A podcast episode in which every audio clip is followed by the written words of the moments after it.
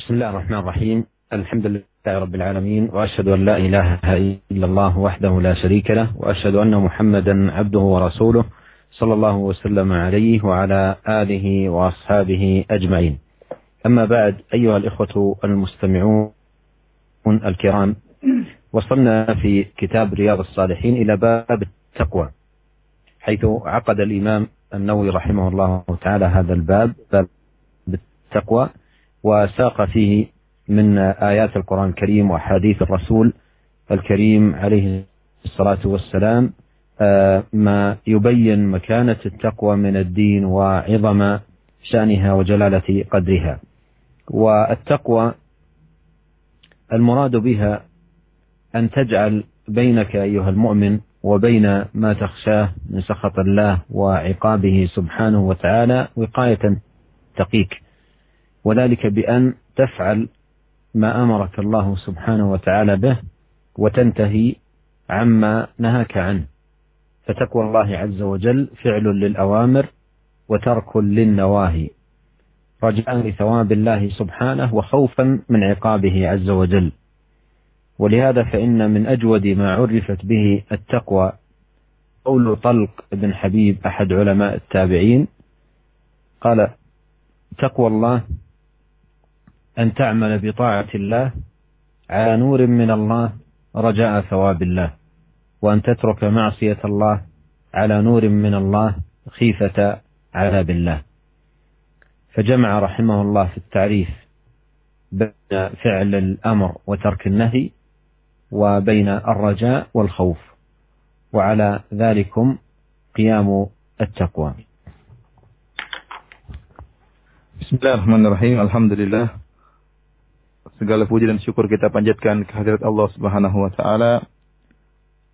Salawat dan salam semoga senantiasa tercurahkan kepada suri teladan kita junjungan kita Nabi Muhammad sallallahu alaihi wasallam dan juga keluarganya serta seluruh sahabat beliau tanpa terkecuali. Para pendengar yang dirahmati oleh Allah Subhanahu wa taala. Kita telah uh, sampai pada bab takwa dalam kitab Riyadhus Shalihin di mana Al Imam Nawawi rahimahullah membuat sebuah bab yang beliau beri judul dengan bab taqwa.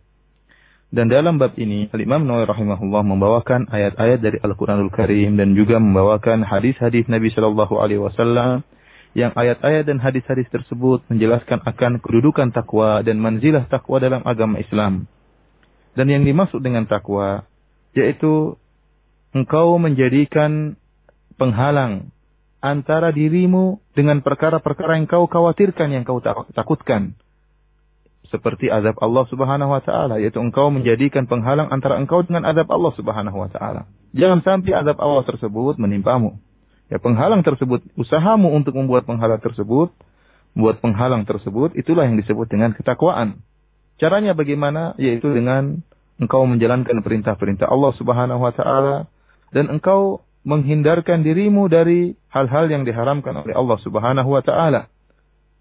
Itulah takwa sehingga engkau terhindarkan dari adab Allah Subhanahu wa taala. Engkau melakukan perkara-perkara yang diperintahkan oleh Allah Subhanahu wa taala karena engkau berharap ganjaran dari Allah Subhanahu wa taala dan engkau menjauhkan dirimu dari perkara-perkara yang diharamkan oleh Allah Subhanahu wa taala karena engkau takut dengan adab Allah Subhanahu wa taala.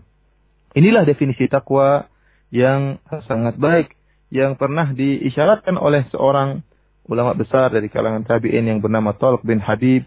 Beliau berkata tentang takwa, kata beliau anta'mala bi ta'atillahi uh, engkau hendaknya engkau beramal dengan taatan kata Allah Subhanahu wa taala ala nurin min Allah di atas cahaya dari Allah Subhanahu wa taala raja'a thawabillah dan engkau berharap ganjaran dari Allah Subhanahu wa taala. Kemudian beliau mengatakan lagi antatruk ma'asillah ya. Dan engkau meninggalkan larang-larangan Allah Subhanahu wa taala. Ala nurin min Allah di, di atas cahaya dari Allah Subhanahu wa taala. Khifata adzabillah dan engkau karena khawatir dan takut dengan azab Allah Subhanahu wa taala. Oleh karenanya dari definisi yang disampaikan oleh Talq bin Habib ini maka menggabungkan antara dua perkara tentang takwa. Perkara pertama yaitu engkau menjalankan perintah-perintah Allah Subhanahu wa taala dengan mengharapkan ganjaran dari Allah Subhanahu wa taala dan perkara kedua engkau meninggalkan larangan-larangan Allah Subhanahu wa taala. Ya, dengan karena takut kepada azab Allah Subhanahu wa taala Maka dalam definisi ini tergabungkan antara roja dan khauf, antara harapan dan rasa takut. أورد رحمه الله تعالى آيات من القرآن الكريم فيها الحث على تقوى الله عز وجل وبيان عاقبة المتقين. وبدأ ذلكم بآيتين. الأولى قول الله عز وجل يا أيها الذين آمنوا اتقوا الله حق تقاته. والثانية قوله فاتقوا الله ما استطعتم. وذكر رحمه الله أن الآية الثانية مبينة للآية الأولى وموضحة للمراد منها. فقوله اتقوا الله حق تقاته. المراد بذلك أي في حدود استطاعتكم لأن الله سبحانه وتعالى لا يكلف نفسا إلا وسعها. وعرفنا أن تقوى الله فعل الأوامر وترك النواهي وفعل النواهي منوط بالاستطاعة مثل ما قال النبي عليه الصلاة والسلام لعمران بن حسين صل قائما فإن لم تستطع فقاعدا فإن لم تستطع فعلى جنب. قال جل وعلا ولله على الناس حج البيت من استطاع إليه سبيلا. فهذه الآية اتقوا الله ما استطعتم. تدل على أن المكلف يجب عليه أن يجتهد ويجاهد نفسه في فعل الأوامر في حدود استطاعته. أما ما لا يستطيعه فلا ليس مكلفا به لا يكلف الله نفسا إلا وسعها. وإنما لي في حدود الاستطاعة. في الأوامر قرنت بالاستطاعة. أما النواهي فالمطلوب الاجتناب. قال عليه الصلاة والسلام وما نهيتكم عنه. فانتهوا ولم يقرن ذلك باستطاعة لأن النهي ترك والترك مستطاع. وحتى يتضح لنا الأمر. عندما يقال مثلا لشخص تحمل هذه هذه هذه الصخرة لا بد أن يضاف إليها إن استطعت لأنه قد يستطيع أن يحملها وقد لا يستطيع إلا بمعاونة الآخرين. لكن إذا قيل لا تدخل من هذا الباب ما يحتاج الأمر أن يقال له إن استطعت لأن هذا ترك للدخول والترك مستطاع. فالشريعة شريعة يسر ولله الحمد. ولهذا قرنت تقوى الله التي هي فعل أمره سبحانه وتعالى ولزوم شرعه قرنت بالإستطاعة قال فاتقوا الله ما استطعتم. إذا من اتقى الله سبحانه وتعالى ما استطاع يكون بذلك قد اتقى الله حق تقاته. لأن المراد بتقوى الله حق تقاته أي في قدر وحدود استطاعة العبد Para pendengar yang dirahmati oleh Allah Subhanahu wa taala, Al-Imam Nawawi rahimahullah membuka bab takwa dengan membawakan dua buah ayat dari firman-firman Allah Subhanahu wa taala. Ayat yang pertama yaitu firman Allah Subhanahu wa taala, "Ya ayyuhalladzina amanu ittaqullaha haqqa tuqatih." Wahai orang-orang yang beriman, bertakwalah kalian kepada Allah dengan sebenar-benar takwa.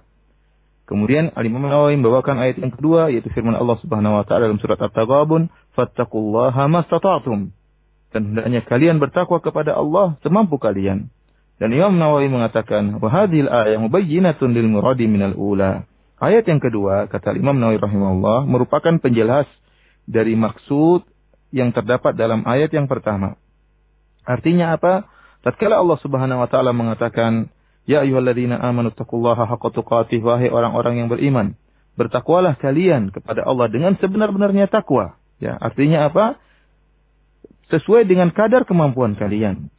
Ya, semampu kalian. Kenapa? Karena la yukallifullahu nafsan illa usaha. Karena Allah Subhanahu wa taala tidak akan membebani ya seseorang ya kecuali yang dia mampu, kecuali dengan sesuai dengan kemampuannya. Dan kita telah menjelaskan tadi bahwasanya definisi takwa yaitu menggabungkan dua perkara, fi'lul awamir wa tarkun nawahi. Yaitu menjalankan perintah-perintah Allah dan menjauhkan diri dari larangan-larangan Allah, meninggalkan larangan-larangan Allah Subhanahu wa taala. Dan dua perkara ini ya dikaitkan dengan kemampuan. Dikaitkan dengan kemampuan bagaimana Nabi sallallahu alaihi wasallam tatkala mengatakan kepada seorang sahabat ya, Nabi Nabi berkata, "Shalli qa'iman fa ilam tastati fa qa'idan fa ilam tastati fa ala jamb. Kata Nabi SAW, hendaknya engkau salat dalam keadaan berdiri. Jika engkau tidak mampu, ya, ya, mampunya cuma hanya duduk, maka salatlah dalam keadaan duduk. Dan jika engkau, jika engkau tidak mampu pula untuk salat dalam keadaan duduk, mampunya cuma berbaring, wa ala jamb, maka engkau salatlah dalam keadaan berbaring.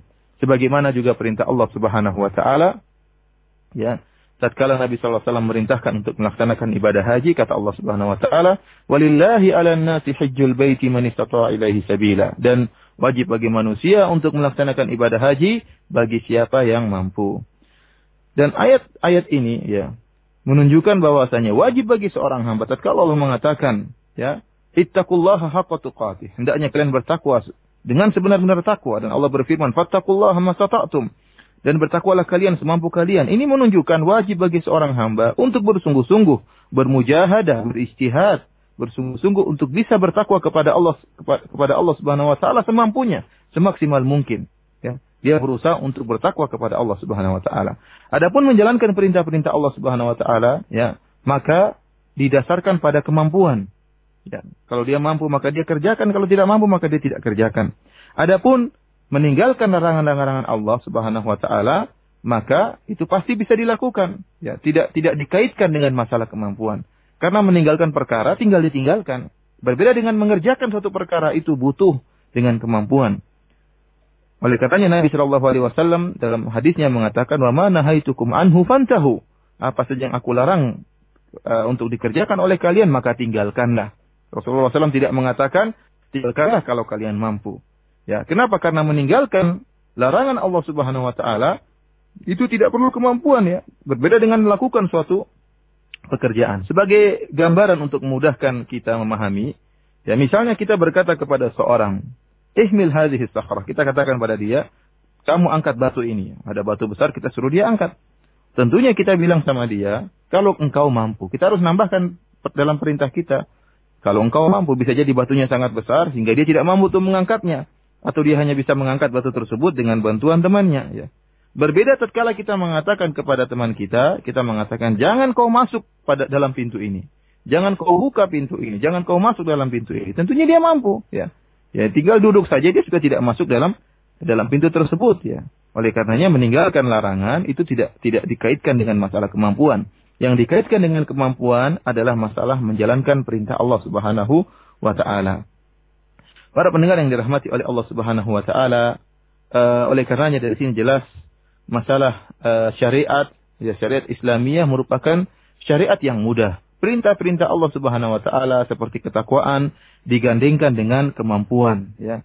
Barang siapa yang bertakwa kepada Allah Subhanahu wa taala semampunya, semaksimal mungkin dia berusaha dan itu kemampuannya, maka dia telah mewujudkan firman Allah dan telah melaksanakan perintah Allah, ya ayyuhalladzina amanu taqullaha haqqa tuqatih Wahai orang-orang yang beriman, bertakwalah kalian kepada Allah dengan sebenar-benar takwa. Siapa saja yang sudah bertakwa kepada Allah semaksimal mungkin, maka dia telah mengamalkan firman Allah ini. ثم أورد قول الله سبحانه وتعالى يا أيها الذين آمنوا اتقوا الله وقولوا قولا سديدا وهذه الآية نظير الآيتين السابقتين في اشتمالها على الأمر بتقوى الله ولهذا ختم الآيات الثلاث رحمه الله بقوله والآيات في الأمر بالتقوى كثيرة معلومة. إذن هذه الآيات الثلاث فيها الأمر بتقوى الله سبحانه وتعالى والحث على ذلك. قال يا أيها الذين آمنوا اتقوا الله وقولوا قولا سديدا. تقوى الله عرفنا معناها فيما سبق وأما القول السديد فهو القول الطيب النافع. من ذكر أو دعاء أو استغفار أو تلاوة القرآن أو قول نافع مفيد في أمر مباح كل ذلكم يجب أن يكون المتقي حافظا لسانه فيه وصارفا لسانه عن ما سوى ذلك من القول الذي ليس بسديد. فالمتقي لله من تقواه لله أن يحفظ لسانه. وأن يصون لسانه وأصل التقوى القلب كما كان جاء في الحديث عن النبي صلى الله عليه وسلم قال التقوى هنا ويشير إلى صدره ثلاث مرات فإذا عمر القلب بتقوى الله أيضا اللسان كذلك سيقول القول السديد تبعا لصلاح القلب. وإذا أيضا اللسان قال القول السديد صلحت الجوارح تبعا له. فهي أشياء وأمور مترابطة. ولهذا قال عليه الصلاة والسلام لا يستقيم قلب رجل حتى لا يستقيم إيمان رجل حتى يستقيم قلبه ولا يستقيم قلبه حتى يستقيم لسانه. هي أمور مترابطة. وأيضا قال في الحديث الآخر عليه الصلاة والسلام إذا أصبح ابن آدم فإن الأعضاء كلها تكفر اللسان. تقول اتق الله فينا فإنما نحن بك فإن استقمت استقمنا وإن اعوججت اعوججنا Kemudian Al-Imam Nawawi rahimahullah membawakan ayat berikutnya dalam surat Al-Ahzab kata Allah Subhanahu wa taala firman Allah Subhanahu wa taala ya ayyuhalladzina amanu taqullaha wa qulu qawlan sadida Wahai orang-orang yang beriman bertakwalah kalian kepada Allah dan ucapkanlah perkataan yang lurus Firman Allah ini sebagaimana ayat-ayat yang sebelumnya tadi dua ayat yang sebelumnya tadi yang telah kita jelaskan Ayat ini pun ya mendorong kaum mukminin untuk bertakwa kepada Allah Subhanahu wa taala, bahkan perintah dari Allah Subhanahu wa taala kepada orang-orang yang beriman untuk bertakwa kepada Allah Subhanahu wa taala. Oleh karenanya Imam Nawawi rahimahullah setelah menyebutkan tiga ayat di atas tadi, beliau mengatakan wal ayatu fil amri bittaqwa katsiratun ma'lumah dan ayat-ayat yang memerintahkan untuk bertakwa banyak dan telah diketahui. Para yang dirahmati oleh Allah Subhanahu wa taala. Dalam ayat ini Allah memerintahkan orang-orang beriman untuk bertakwa dan untuk mengucapkan kaulan sadida, perkataan yang lurus. Adapun takwa telah kita pahami definisinya tadi yaitu bahwasanya menjalankan perintah Allah dan menjauhi larangan Allah Subhanahu wa taala. Adapun al-qaulus sadid, perkataan yang lurus, kaulan sadida, apakah itu? Yang dimaksud adalah qaulun nafi', adalah perkataan yang bermanfaat, ya, perkataan yang memberi faedah. Dan ini banyak seperti tilawatul Quran adalah perkataan yang memberi faedah, berzikir, kemudian perkataan yang jujur, ya.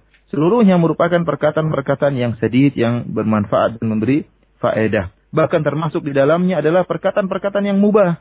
Ya, omongan-omongan selain zikir, selain tilawatul Quran, selain solawat misalnya, ada perkataan-perkataan yang e, dibicarakan oleh manusia, perkataan yang mubah akan tetapi memberikan manfaat. Selama perkataan tersebut memberi manfaat, maka termasuk dalam ayat ini yaitu kaulan sadidah.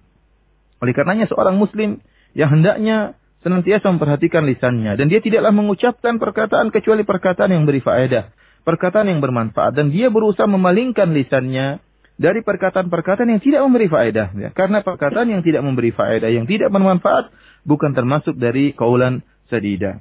Orang yang bertakwa kepada Allah Subhanahu wa taala, dia berusaha untuk menjaga lisannya. Jangan sampai lisannya mengucapkan perkataan-perkataan yang tidak berfaedah, apalagi perkataan-perkataan yang diharamkan oleh Allah Subhanahu wa taala. Dan Rasulullah SAW menjelaskan ada kaitan antara hati dengan juga lisan dan juga amal jawarih. Seluruhnya berkaitan. Seorang yang beriman kepada Allah dalam hatinya akan akan uh, nampak buah hasilnya dari lisannya. Lisannya akan dia jaga. Dan jika dia sudah menjaga hatinya dan lisannya, maka akan nampak dari jawarehnya, dari anggota tubuhnya dia akan jaga. Tidaklah melakukan kecuali yang diperintahkan oleh Allah Subhanahu wa taala. Rasulullah sallallahu alaihi wasallam telah mengisyaratkan bahwasanya takwa tempatnya di hati. Kata Nabi sallallahu alaihi wasallam, "At-taqwa hahuna, at-taqwa hahuna." Bahwasanya takwa tempatnya uh, di hati dan tempatnya di hati. Kemudian Nabi sallallahu alaihi wasallam menjelaskan bahwasanya cukup bagi seorang ya uh, melakukan kesalahan jika dia mencela saudaranya, merendahkan saudaranya, menunjukkan ada kaitannya antara lisan dengan uh, dengan hati. Demikian juga dalam hadis yang lain Rasulullah SAW menyebutkan bahwasanya tidaklah mungkin istiqomah keimanan seseorang sampai hatta yastaqima qalbuhu, sampai hatinya pun istiqomah ya. Dan tidak mungkin istiqomah hatinya sampai hatta yastaqima lisanuhu, sampai lisannya pun istiqomah. Jadi ini ada keterkaitan yang sangat erat antara takwa yang ada di hati dengan lisan. Lisan yang yang mengucapkan kebaikan orang yang bertakwa akan membuahkan lisan yang baik. Dalam hadis yang lain juga, ya Rasulullah Shallallahu Alaihi Wasallam menyebutkan bahwasanya jika seorang hamba di, di pagi hari maka kulul a'dha maka seluruh anggota tubuhnya akan mengeluhkan kepada lisan ya. dia mengatakan ittaqillaha fina. Seluruh anggota tubuh akan berkata kepada lisan, wahai lisan, bertakwalah kepada Allah tentang kami ya. Jika engkau istiqamah, idza istaqamta istiqamna. Jika engkau istiqamah maka kami pun akan istiqamah anggota tubuh yang lain. Wa idza wajajta eh, wajajna. Jika engkau juga miring, maka kami pun akan miring tidak istiqamah. Ini jelas keterkaitan yang erat antara hati yang tempat takwa, kemudian lisan, kemudian juga anggota tubuh. ثم أورد الإمام النووي رحمه الله تعالى قول الله عز وجل ومن يتق الله يجعل له مخرجا ويرزقه من حيث لا يحتسب. وهذه الآية فيها ذكر ثمرتين عظيمتين من ثمار التقوى. الأولى أن الله سبحانه وتعالى يجعل المخرج للمتقي بأن يفرج كربه وييسر أمره ويدفع عنه الشيء الذي خافه. فالمتقي ينال ذلك يجعل الله سبحانه وتعالى له المخرج من كل بلاء وكل ضائقة وكل فتنة وكل مصيبة. أنه قال مخرجا ولم يحدد من ماذا فيتناول كل ما يخشاه الإنسان ويخافه فبالتقوى يكون الفرج. والتيسير بإذن الله. وقد مر معنا مثال لذلك قصة الثلاثة الذين انطبقت عليهم الصخرة في الغار. وهذا يعتبر بلاء عظيم جدا. ومن كانت هذه حاله فيعاني الموت في في مكانه. لا طعام ولا شراب ولا هواء. ولكن فرج الله عنهم كربهم بتقواه. كل واحد منهم توسل إلى الله بالعمل الصالح والتقوى هي العمل الصالح. فتوسل إلى الله بعمله الصالح فكان عمله الصالح تفريجا لكربته. وأيضا مر معنا قول تعرف إلى الله في الرخاء. يعرفك في الشدة؟ تعرف إليه بتقواه وعبادته والإقبال عليه سبحانه وتعالى. فالذي يتقي الله سبحانه وتعالى يجعل له المخرج. والفائدة الثانية في الآية للتقوى أن الله عز وجل يرزق المتقي من حيث لا يحتسب. قال ويرزقه من حيث لا يحتسب. وهذه ثمرة عظيمة من ثمار التقوى أن تقوى الله باب للرزق الطيب والعيش الهنيء واللذة والسعادة في هذه الحياة الدنيا قبل الدار, الدار الآخرة. قال ويرزقه من حيث لا يحتسب. وحقيقة يا أخوان ينبغي على كل مسلم أن يتنبه لهذه الآية وأن يعيها وأن يحرص على تطبيقها. لأن كثير من الناس قد ينساق بسبب مثلا حاجته للمال وحاجته لمثلا الطعام إلى أعمال محرمة. إلى أعمال محرمة مثل أن يدخل مثلا في الربا أو مثلا يدخل في الغش أو أن يدخل مثلا في بيع بعض المحرمات من الأمور التي نهى الله عنها مثل أن يبيع مثلا الخمر أو يبيع الدخان أو يبيع الموسيقى واللهو المحرم أو نحو ذلك. فقد يفعل ذلك من أجل أن يحصل المال فيقال لهؤلاء وغيرهم ومن يتق الله يجعل له مخرجا ويرزقه من حيث لا يحتسب. يقال له إذا تركت هذا هذا العمل المحرم وهذا البيع المحرم وهذه الأشياء المحرمة من أجل الله وتقوى لله وخوفا من الله رزقك الله سبحانه وتعالى من حيث لا تحتسب. وسيكون الرزق الذي تكتسبه فيما بعد أهنأ وأبرك وأحسن لك وأسلم. بخلاف المال الحرام الذي يحصله الإنسان فإنه وبال عليه في دنياه وأخرى لأنه في الدنيا ممحوق البركة وفي الآخرة يعاقب عليه. فمن يتق الله سبحانه وتعالى يجعل الله سبحانه وتعالى له المخرج وأيضا يرزقه جل وعلا من حيث لا يحتسب. بعض الناس قد مثلا يترك يقال له اتق الله ويذكر بالله لكونه يبيع شيئا محرما ثم يترك العمل المحرم خوفا من الله. فيتأخر عليه مثلا نوعا ما الرزق الحلال. وهذا التأخر قد يكون من باب الابتلاء. باب صدق الإنسان في تقواه لله عز وجل فليصبر وليحتسب ولا يستعجل استجاب لأحدكم ما لم يعجل يصبر ويحتسب وسيأتيه الرزق الحلال الطيب الهنيء ويسلم أيضا من تبعة المال الحرام وعواقبه الوخيمة. Para pendengar yang dimuliakan oleh Allah Subhanahu wa taala, kemudian Al-Imam Nawawi rahimahullah membawakan ayat yang lain dalam surat At-Talaq yaitu firman Allah Subhanahu wa taala, "Wa may yattaqillaha yaj'al lahu makhraja wa yarzuqhu min haitsu la yahtasib." Barang siapa yang bertakwa kepada Allah Subhanahu wa taala, maka Allah akan berikan kepada dia jalan keluar dan Allah akan berikan rezeki kepada dia dari arah yang dia tidak sangka-sangka. Dalam ayat ini Allah Subhanahu wa taala menyebutkan dua buah dari ketakwaan. Dua buah yang sangat besar daripada ketakwaan. Yang pertama, yaitu Allah Subhanahu wa taala akan berikan jalan keluar, solusi bagi orang yang bertakwa. Yaitu bagaimana? Yaitu dengan menghilangkan kesulitan yang dihadapinya atau akan memudahkan urusannya atau Allah Subhanahu wa taala menghilangkan perkara-perkara yang dia khawatirkan, ya. Orang yang bertakwa akan memperoleh ini semua. Allah Subhanahu wa taala memberikan bagi dia solusi dari seluruh perkara yang menyulitkan dirinya. Dalam ayat ini kita lihat Allah Subhanahu wa taala mengatakan, "Ya ja'allahu makhraja." Allah Subhanahu wa taala akan berikan bagi orang yang bertakwa jalan keluar. Allah Subhanahu wa taala tidak mengatakan jalan keluar dari ini, jalan keluar dari itu, akan tapi Allah biarkan makhraja yaitu jalan keluar secara umum dari segala perkara yang dikhawatirkan oleh seorang yang bertakwa. Dari segala jalan keluar solusi dari segala perkara yang menyempitkan dada orang yang bertakwa. Semuanya dijanjikan oleh Allah Subhanahu wa taala untuk diberikan solusi oleh Allah Subhanahu wa taala. Sebagai contoh yang telah lalu kita kita eh, pelajari tentang kisah tiga orang yang terjebak dalam goa. Tatkala mereka masuk dalam goa, tiba-tiba ada batu besar kemudian menutup pintu goa. Tentunya ini merupakan suatu ujian yang berat suatu kondisi yang sangat menyulitkan. Seorang berhadapan dengan maut.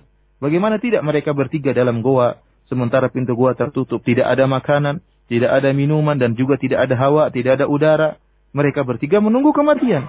Akan tapi kemudian masing-masing bertawasul kepada Allah Subhanahu wa taala dengan amalan soleh mereka dan kita tahu amalan soleh merupakan ketakwaan. Ya, mereka bertiga kemudian bertawasul dengan ketakwaan yang pernah mereka lakukan, maka Allah Subhanahu wa taala menghilangkan kesulitan yang mereka hadapi.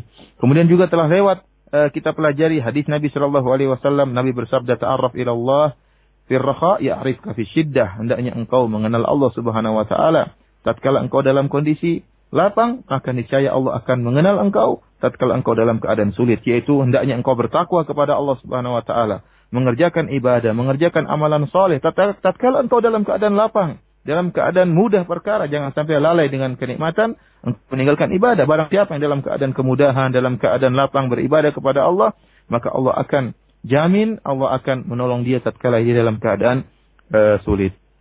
Ini buah yang pertama, yaitu Allah berikan solusi bagi orang yang bertakwa dalam segala hal solusi. Kemudian buah yang kedua yang juga uh, tidak kalah uh, menarik yang Allah janjikan yaitu wa yarzuquhu min haitsu la. Barang siapa yang bertakwa Allah akan berikan kepada dia rizki dari arah yang dia tidak sangka-sangka. Dan ini merupakan buah yang sangat besar yang diraih oleh orang yang bertakwa. Oleh karenanya dalam ayat ini sangat jelas ketakwaan merupakan salah satu dari pintu-pintu rezeki. Ya, rezeki yang menyenangkan, rezeki yang disediakan oleh Allah Subhanahu wa taala yang halal di dunia Sebelum Allah Subhanahu wa taala akan membukakan sebelum Allah Subhanahu wa taala akan berikan kepada dia rezeki di akhirat kelak di dunia sudah Allah janjikan rezeki dari mana? Dari arah yang dia tidak sangka-sangka. Oleh karenanya para pendengar yang dirahmati oleh Allah Subhanahu wa taala, ya, hendaknya seorang muslim ya, mendengar ayat ini dengan baik. Wa may yattaqillaha yaj'al lahu makhraja wa yarzuquhu min haitsu la yahtasib. Orang barang siapa yang bertakwa kepada Allah, maka Allah akan berikan dia rezeki dari arah yang dia tidak sangka-sangka.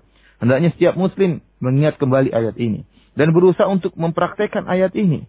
Ya. Kenapa? Karena banyak orang yang mereka akhirnya terdorong untuk melakukan perkara-perkara yang haram hanya karena ingin mencari rezeki.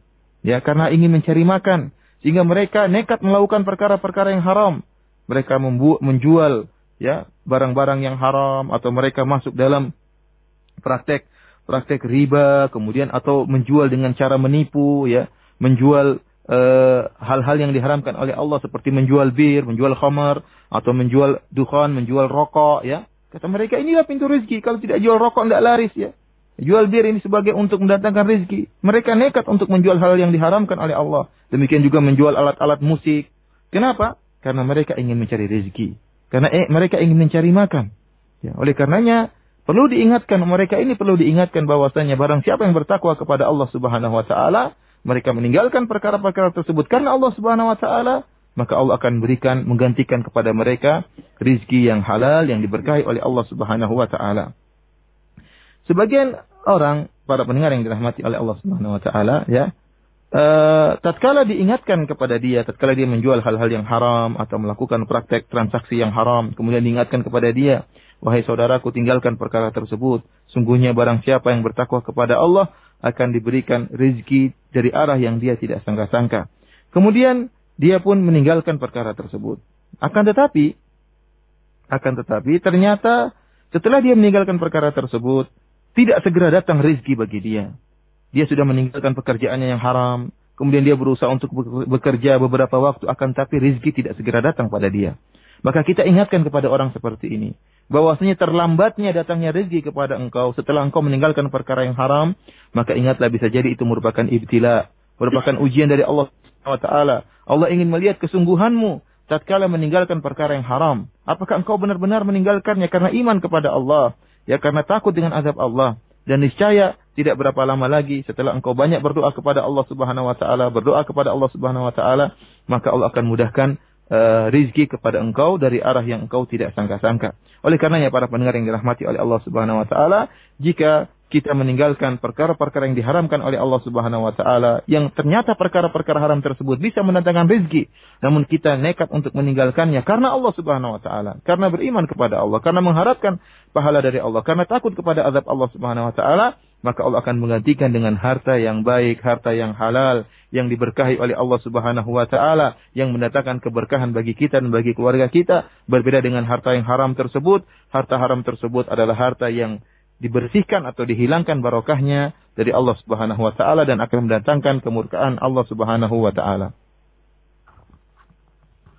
ثم ختم رحمه الله تعالى الآيات في الحث على التقوى بقوله جل وعلا يا أيها الذين آمنوا إن تتقوا الله يجعل لكم فرقانا ويكفر عنكم سيئاتكم ويغفر لكم والله ذو الفضل العظيم وهذه الآية الكريمة من سورة الأنفال اشتملت على ثلاث فوائد عظيمة وثمار جليلة من ثمار التقوى. الفائدة الأولى أن الله عز وجل يجعل للمتقي فرقانا أي نورا وضياء وعلما يفرق به بين الحق والباطل. قال إن تتقوا الله يجعل لكم فرقانا أي ما تفرقون به بين الحق والباطل. ومن ذلكم أن يهدى إلى العلم ويوفق لتحصيله وينشرح صدره للتعلم التفقه ويحب سماع العلم وسماع الخير ولا تنفر نفسه منه. فهذه كلها من ثمار التقوى. إذا كان الإنسان يستمع للأحاديث النافعة ويحرص عليها ويحرص على الانتفاع بها. هذا كله بإذن الله تبارك وتعالى من ثمار التقوى. بخلاف من تنفر نفسه من العلم ويكره أهل العلم أو يكره كتب العلم أو يكره فهذا من ضياع التقوى عنده. فإذا آه، من ثمار تقوى الله سبحانه وتعالى أن آه، يجعل الله جل وعلا للمتقي فرقانا. والفائدة الثانية أن يكفر عنه سيئاته. وهذا فيه أن أن أنه يعان على الأعمال الصالحة وقد قال الله تعالى إن الحسنات يذهبن السيئات. فيعان على الأعمال الصالحة والطاعات الزاكية وتقبل نفسه عليها مما يكون سببا لتكفير سيئاته. والفائدة الثالثة غفران الذنوب. غفران الذنوب. قال ويغفر لكم أي يغفر لكم ذنوبكم بتوفيق العبد المتقي للاستغفار والتوبة والإنابة إلى الله سبحانه وتعالى. وجميع هذه الأشياء منة الله وفضله على من شاء من عباده. ولهذا ختمت الآية بقوله والله ذو الفضل العظيم. Kemudian Al-Imam Nawawi rahimahullah uh, menyebutkan ayat yang terakhir yang beliau sebutkan dalam bab takwa yaitu firman Allah Subhanahu wa taala surat Al-Anfal. Kata firman Allah Subhanahu wa taala in tattaqullaha yaj'al lakum furqana wa yukaffir ankum sayyi'atikum wa yaghfir lakum wallahu dzul fadlil azim. Yaitu hai orang-orang yang beriman jika kalian bertakwa kepada Allah maka niscaya Allah akan menjadikan bagi kalian furqanan pembeda. Wa yukaffir ankum sayyi'atikum dan Allah akan menghapuskan dosa-dosa kalian dan Allah akan mengampuni uh, memberikan maghfirah bagi kalian dan Allah lah yang memiliki karunia yang sangat besar. Para pendengar yang dirahmati oleh Allah Subhanahu wa taala, ayat yang mulia ini mengandung tiga faedah yang sangat besar bagi orang yang bertakwa. Faedah yang pertama yang Allah janjikan yaitu Allah akan berikan furqan bagi orang yang bertakwa. Apa itu furqan? Yaitu cahaya ya yang ya, atau ilmu yang dengan ilmu tersebut seorang yang bertakwa bisa membedakan antara hak dan batil. Ya. Bisa membedakan antara hak dan batil. Ya, oleh karenanya Allah Subhanahu wa taala memberikan hidayah kepada orang yang bertakwa untuk semangat menuntut ilmu. Allah berikan ilmu kepada dia. Jika dia mendengarkan majelis ilmu, dia mendengarkan ceramah tentang ilmu yang bermanfaat, makanya syarih sodruhu, maka hatinya menjadi tenang, hatinya menjadi gembira ya dan dia senang dan gembira tatkala mendengar uh, pembicaraan tentang ilmu. Dan dia berusaha dan semangat untuk bisa mengambil faedah dari ilmu yang dia dengar. Dan ini merupakan buah daripada ketakwaan. Ya jika seorang mendapati dirinya seperti itu semangat untuk ilmu senang mendengarkan uh, ceramah-ceramah majelis-majelis ilmu maka ini merupakan tanda ketakwaan yang ada pada dirinya. Karena dengan ilmu lah ya dia bisa membedakan antara hak dan batil. Dan Allah menjanjikan barang siapa yang bertakwa kepada Allah, Allah akan berikan kepada dia furqan, yaitu ilmu yang membedakan antara hak dan yang batil.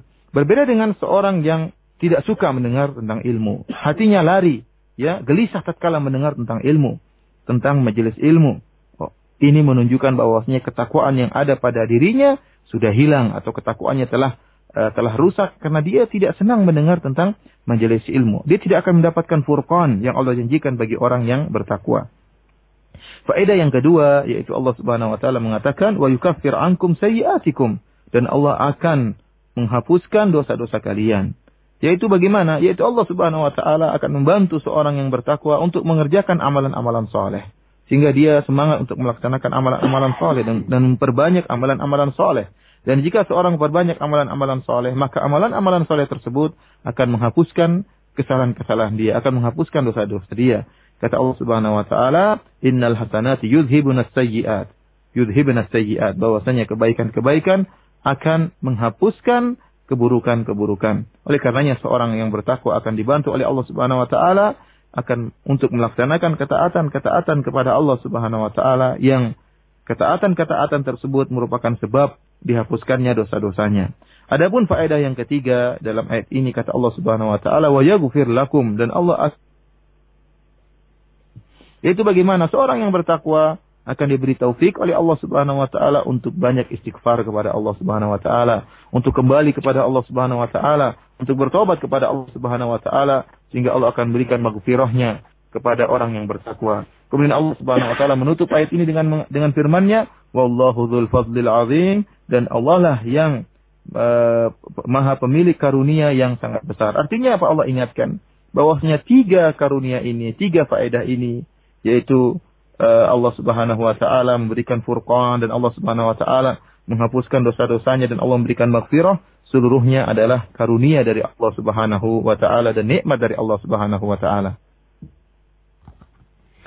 ثم قال رحمه الله بعد أن أورد الآيات قال والآيات في الباب كثيرة معلومة أي أن ما جاء في القرآن الكريم من آيات في الحث على التقوى والترغيب فيها كثيرة في كتاب الله سبحانه وتعالى وإنما اقتصر على الإشارة إلى بعض تلك الآيات.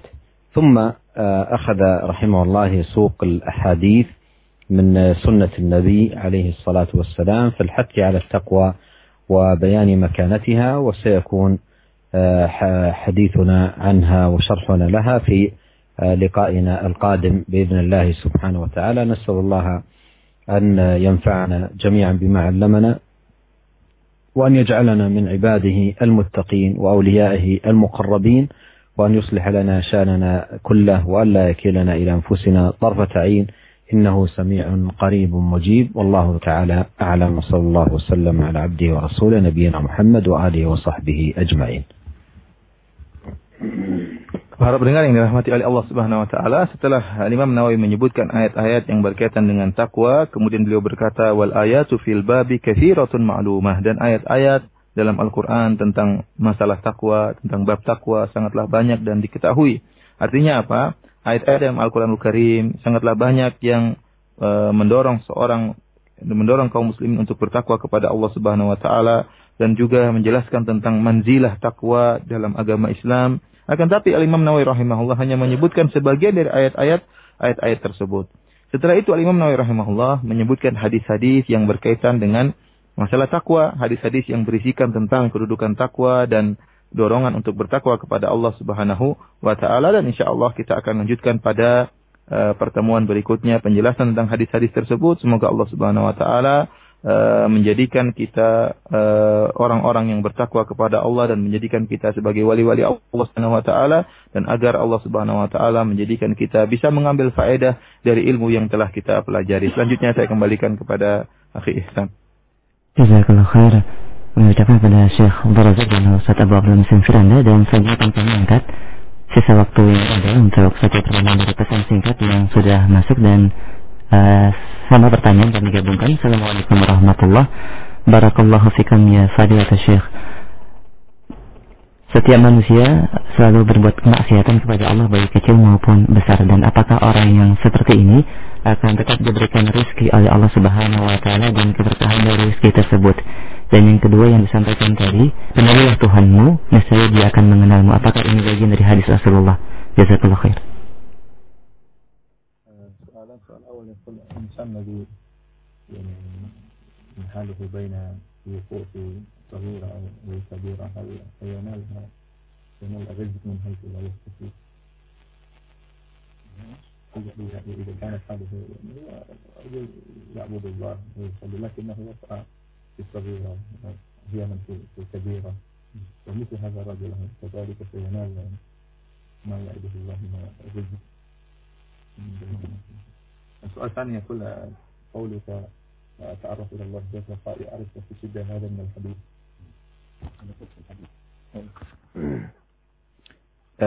فيما يتعلق بسؤال آه، السائل الأول. آه،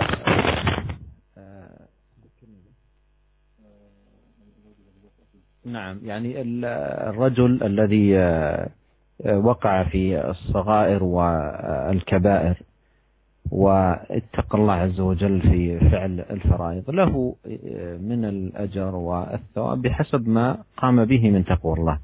وأما الكبائر فيعاقب عليها ويحاسب عليها والصغائر إن كان عنده حسنات فكثيرة فالحسنات تذهب السيئات.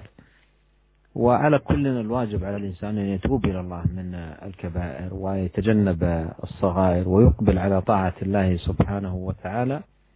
ليكون من المتقين حقا الذين اتقوا الله سبحانه وتعالى في حدود وفي قدر استطاعتهم.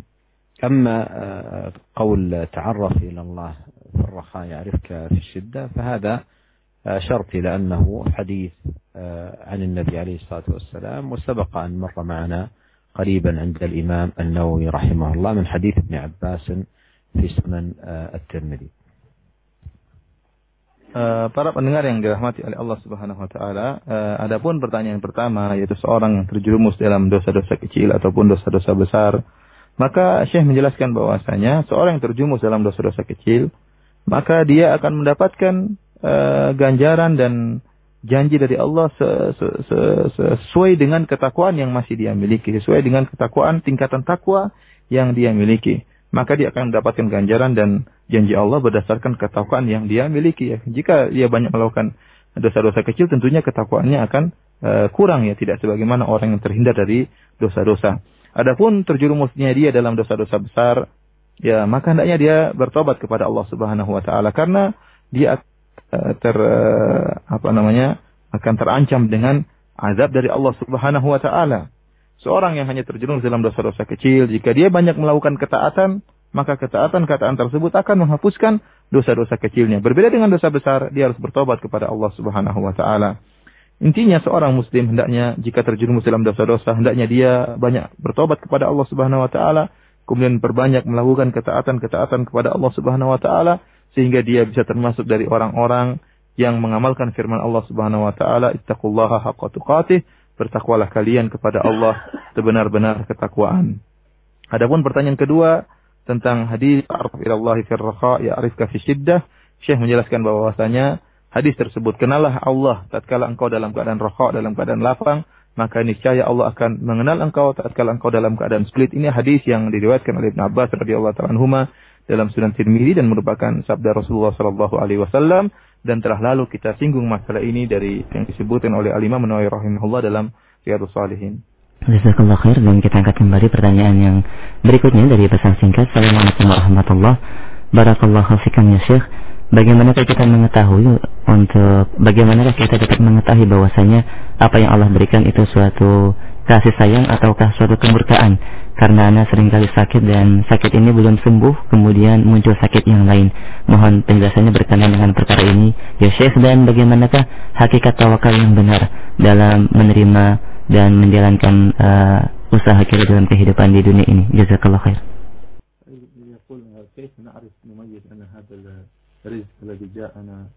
من ثمر التقوى أو أو هذا من استدراج من الله. مع أني دائما أصاب بمرض وإذا شفيت من هذا المرض جاء مرض آخر وهكذا. ثم السؤال الثاني يقول ما هو حقيقة التوكل؟ أما فيما يتعلق بسؤاله الأول وهو قضية أنه كيف يعرف؟ فعلى كل حال العبد إذا علم من نفسه استقامة وملازمة لتقوى الله سبحانه وتعالى وراء, وراء تيسر الأمور والرزق الحلال فهذا بإذن الله عز وجل ثمرة من ثمار تقواه لله عز وجل. وإذا كان مع صلاحه يبتلى ببعض الأمراض وإذا شفي من مرض ابتلي بمرض آخر فهذا كله يدخل مع صلاح الإنسان في باب الكفارات. والله يبتلي العبد المؤمن بابتلاءات ولنبلونكم بشيء من الخوف والجوع ونقص من الأموال والأنفس والثمرات وبشر الصابرين. فالمؤمن يعلم أنه في هذه الحياة الدنيا في دار ابتلاء وامتحان فعليه في حال النعماء أن يشكر الله سبحانه وتعالى وفي حال الشدة والبلاء أن يصبر ليكون فائزا في الحالتين. في الحالة الأولى يفوز بثواب الشاكرين وفي الحالة الثانية يفوز بثواب الصابرين. وأما سؤال الأخ عن التوكل فهذا سيأتي عند المصنف رحمه الله في باب مستقل وتأتي التفاصيل والبيان لذلك في حينه إن شاء الله. وأيضا نختم بما بدأنا به من حث وترغيب في تقوى الله عز وجل ومحافظة عليها ولنذكر أيها الإخوة الكرام إضافة إلى ما سبق أن التقوى خير لباس كما قال الله سبحانه وتعالى ولباس التقوى ذلك خير. وفي هذا المعنى يقول الشاعر إذا المرء لم يلبس ثيابا من التقى تقلب عريانا وإن كان كاسيا. وخير لباس المرء طاعة ربه ولا خير في من كان لله عاصيا. نسأل الله للجميع التوفيق والسداد والعون على كل خير. واستودعكم الله الذي لا تضيع ودائعه والسلام عليكم ورحمة الله وبركاته Para pendengar yang dirahmati oleh Allah Subhanahu wa taala, seorang hamba jika dia mengetahui dirinya, dia istiqomah, kemudian dia melihat dia melakukan ketaatan-ketaatan kepada Allah Subhanahu wa taala, lantas dia lihat kemudahan Allah berikan kepada dia, dengan mudahnya rezeki, urusannya dipermudah oleh Allah Subhanahu wa taala, maka ini dengan izin Allah, insya Allah ini merupakan uh, buah dari ketakwaan kepada Allah. Karena dia senantiasa bertakwa, senantiasa istiqomah kepada Allah Subhanahu wa taala. Kemudian jika uh, seorang hamba ya dia dalam keadaan bertakwa kepada Allah Subhanahu wa taala namun diuji oleh Allah Subhanahu wa taala, diuji dengan penyakit misalnya, sudah sembuh datang lagi penyakit yang lain, maka hendaknya dia ingat bahwasanya ini ujian dari Allah Subhanahu wa taala dan Allah akan menghapuskan dosa-dosanya dan Allah telah menjanji berjanji untuk menguji orang-orang yang beriman. Kata Allah Subhanahu wa taala, "Wa lanabluwannakum bi syai'in minal khaufi wal ju'i wan naqsi minal amwali wal anfusi was samarat wa basyiris sabirin." Sungguh benar-benar kami akan menguji kalian dengan uh, ketakutan, dengan uh, kelaparan, dengan uh, hilangnya atau kurangnya harta maupun meninggalnya sebagian uh, orang yang kita cintai ya. Ini merupakan ujian dari Allah kemudian kata Allah Subhanahu wa taala wa basyiris sabirin dan berilah kabar gembira kepada orang-orang yang sabar. Oleh karenanya seorang muslim tahu dia terkadang diberi kemudahan oleh Allah berupa kenikmatan-kenikmatan terkadang diuji oleh Allah Subhanahu wa taala dengan ujian-ujian. Tatkala dia meraih dan mendapatkan kemudahan dan kenikmatan dari Allah, hendaknya dia bersyukur agar dia mendapatkan pahala orang-orang yang bersyukur. Dan tatkala dia diuji oleh Allah Subhanahu wa taala dengan ujian-ujian, maka hendaknya dia bersabar agar dia memperoleh pahala orang-orang yang uh, bersabar. Adapun pertanyaan kedua tentang hakikat daripada tawakal, maka insya Allah akan kita uh, jelaskan jika sudah pada uh, saatnya yaitu karena Al-Imam Nawawi rahimahullah akan menjelaskan secara khusus tentang tawakal dan tatkala kita sampai pada bab tersebut kita akan menjelaskan lebih terperinci. Para pendengar yang dirahmati oleh Allah Subhanahu wa taala, uh, sebagaimana uh, di awal pengajian Syekh uh, memberi nasihat kepada kita dan memberi motivasi kepada kita untuk bertakwa kepada Allah Subhanahu wa taala dan di akhir dari pengajian kita beliau juga mengingatkan ketahuilah bahwasanya takwa merupakan adalah merupakan pakaian yang terbaik. Walibas walibasul taqwa zalika khair kata Allah Subhanahu wa taala dan pakaian ketakwaan itulah merupakan pakaian yang terbaik ada sebuah syair yang menunjukkan akan hal ini. Seorang penyair berkata, "Idzal mar'u lam yalbas thiyaban minat tuqa taqallaba uryanan wa in kana kasiyan." Jika seorang hamba tidak memakai pakaian ketakwaan, maka dia akan berubah menjadi orang yang telanjang meskipun dia memakai pakaian yang indah. Wa khairu libasil mar'i ta'atu rabbih wa la khaira fi man kana lillahi asiya. Dan sebaik-baik uh, pakaian yang dipakai oleh seorang adalah bertakwa dan taat kepada Rabbnya dan tidak ada kebaikan bagi orang yang bermaksiat kepada Allah Subhanahu wa taala. Demikian saja para pendengar yang dirahmati oleh Allah Subhanahu wa taala kajian kita pada kesempatan kali ini. Semoga Allah Subhanahu wa taala mempermudah kita untuk bersua di kesempatan yang lain. Wabillahi taufiq wal hidayah. Assalamualaikum warahmatullahi wabarakatuh.